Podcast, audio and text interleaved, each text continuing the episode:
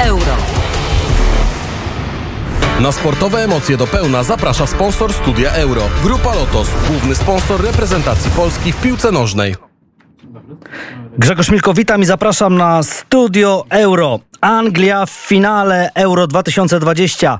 Tam oczywiście zagra z Włochami. Wczoraj niesamowity bój na Wembley pomiędzy Anglią a Danią. 2 do 1 po dogrywce. No i wielka kontrowersja, która dzisiaj chyba nie schodzi z pierwszych stron wszystkich mediów, z, z ust kibiców, no i niemal chyba z wszystkich dyskusji. Czy był rzut karny w 103 minucie podyktowany dla Anglii?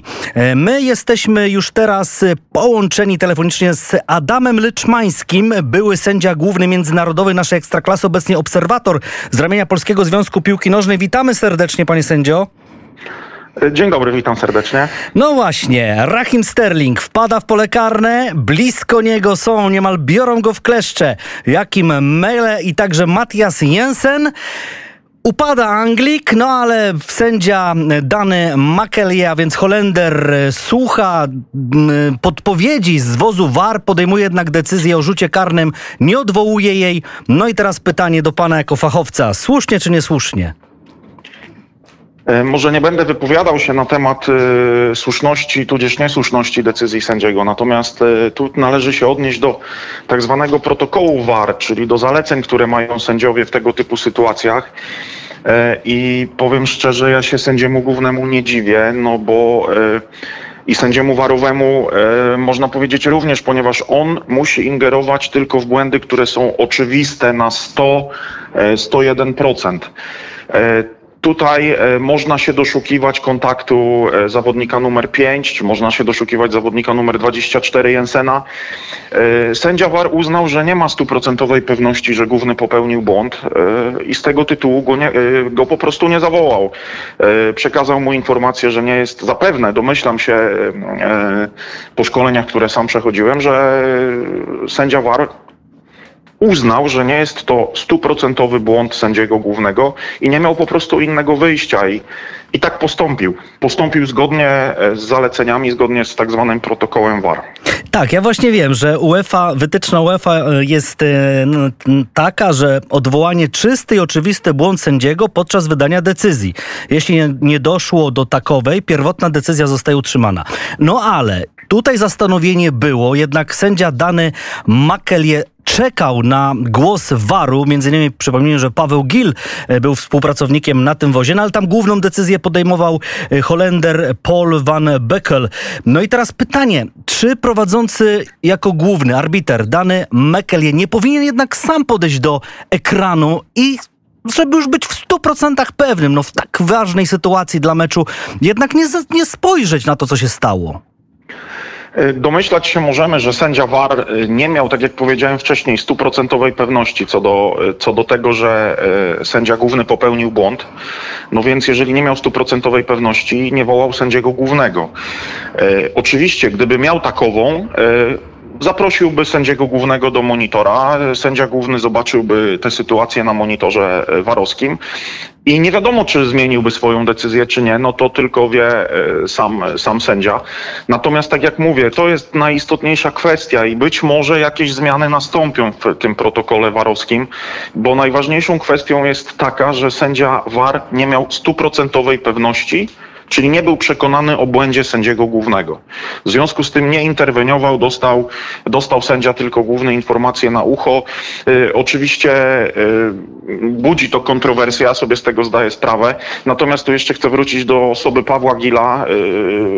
Y, zaszczyt i wspaniale, wspaniale, że był na tym meczu. Natomiast proszę pamiętać, że y, sędzia Awar, sędzia asystent VAR, a tutaj Paweł bodajże był drugim sędzią, y, asystentem VAR, on sprawdza tylko to, co się dzieje po quand euh, po tym kulminacyjnym momencie, czyli coś, na czym w tym momencie nie są skupieni sędzia, sędzia VAR, e, więc tutaj Pawła no, no nie należy absolutnie e, mieszać w, w tę sytuację, bo, bo, bo, tak naprawdę e, władny tutaj był sędzia holenderski VAR i, i, i, nie wiem skąd się bierze to, że gdzieś tam jest tu jakiś polski akcent, polski akcent w tej sytuacji, no absolutnie żaden moim zdaniem. No nie, no po prostu był na tym wozie, tak, tak, on współpracował z Kevinem Blonem i Christianem Gittelmanem, ale ale Dokładnie. głównym był właśnie Paul van Bückel. No i też taką dzisiaj przeczytałem opinię, że sędziowie bali się złamać reguły UEFA, czyli ci sędziowie z VAR-u.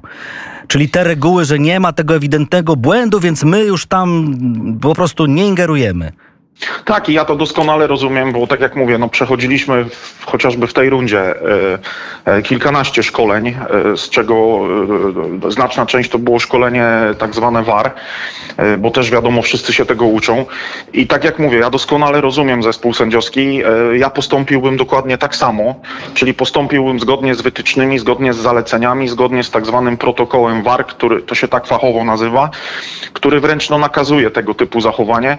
I oczywiście zwykły zjadacz chleba powie, dlaczego, e, dlaczego tak, po co jest ten VAR.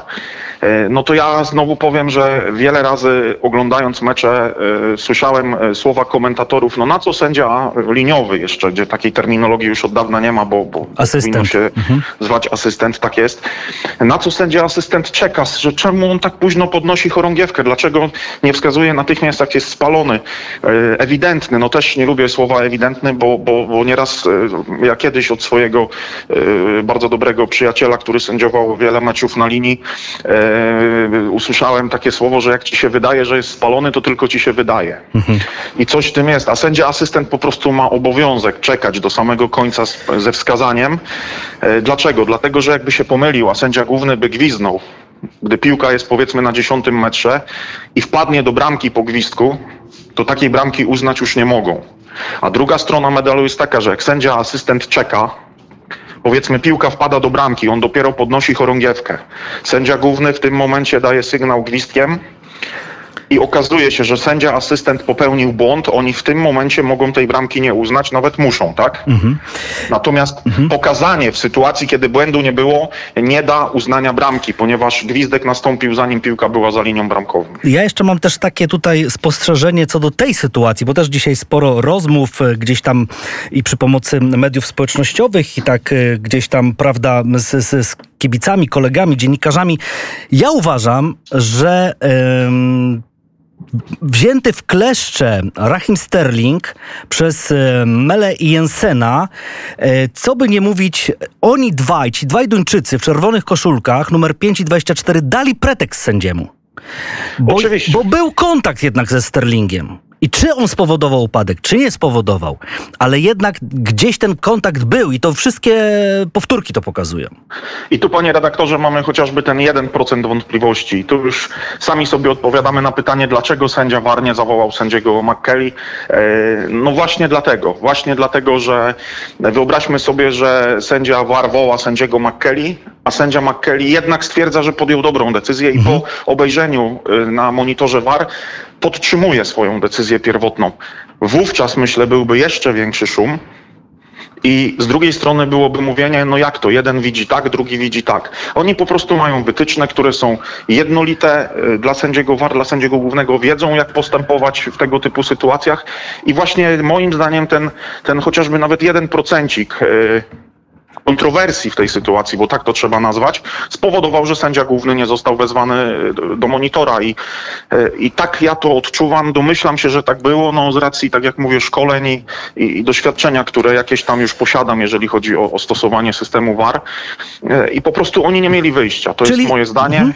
Czyli reasumując, ta decyzja nie była do końca błędna. To nie jest tak, że Anglia nieuczciwie znalazła się w finale. Uważam, że nie. Y, oczywiście może tam Sterling od siebie trochę dodał i, i, i na pewno dodał, to każdy widział. Y, natomiast y, też, też nie dopatrywałbym się tutaj jakiegoś ewidentnego błędu sędziego, no bo jednak i, i Mele i, i, i Jensen y, dali, dali pretekst sędziemu, który był w tym przypadku fantastycznie ustawiony, bo to też jest warte odnotowania. On, on zszedł z diagonalnej w prawą stronę w kierunku asystenta y, w miejsce, gdzie toczyła się ta akcja i był ustawiony optymalnie, więc uważam, że dali sędziemu jakiś drobny argument, a, a co za tym idzie, sędziemu VAR również argument do tego, że sędzia główny podjął prawidłową decyzję. No więc już wiemy. Finał jeden, Anglia, Włochy i, i, i tak niech zostanie, a to, że piłka nożna też też gdzieś tam ma ze sobą kontrowersje, jakieś takie rzeczy, o których się później dyskutuje, no bo to jest taka po prostu y, jakby taki, takie piękno też tej, tej gry. Taka tajemniczość, tajemniczość tej gry i mamy o czym rozmawiać. Tak jest. Panie Adamie, serdecznie dziękujemy. Adam Leczmański, były sędzia główny międzynarodowy, obecnie obserwator z ramienia PZN był naszym gościem. Serdecznie dziękujemy jeszcze raz.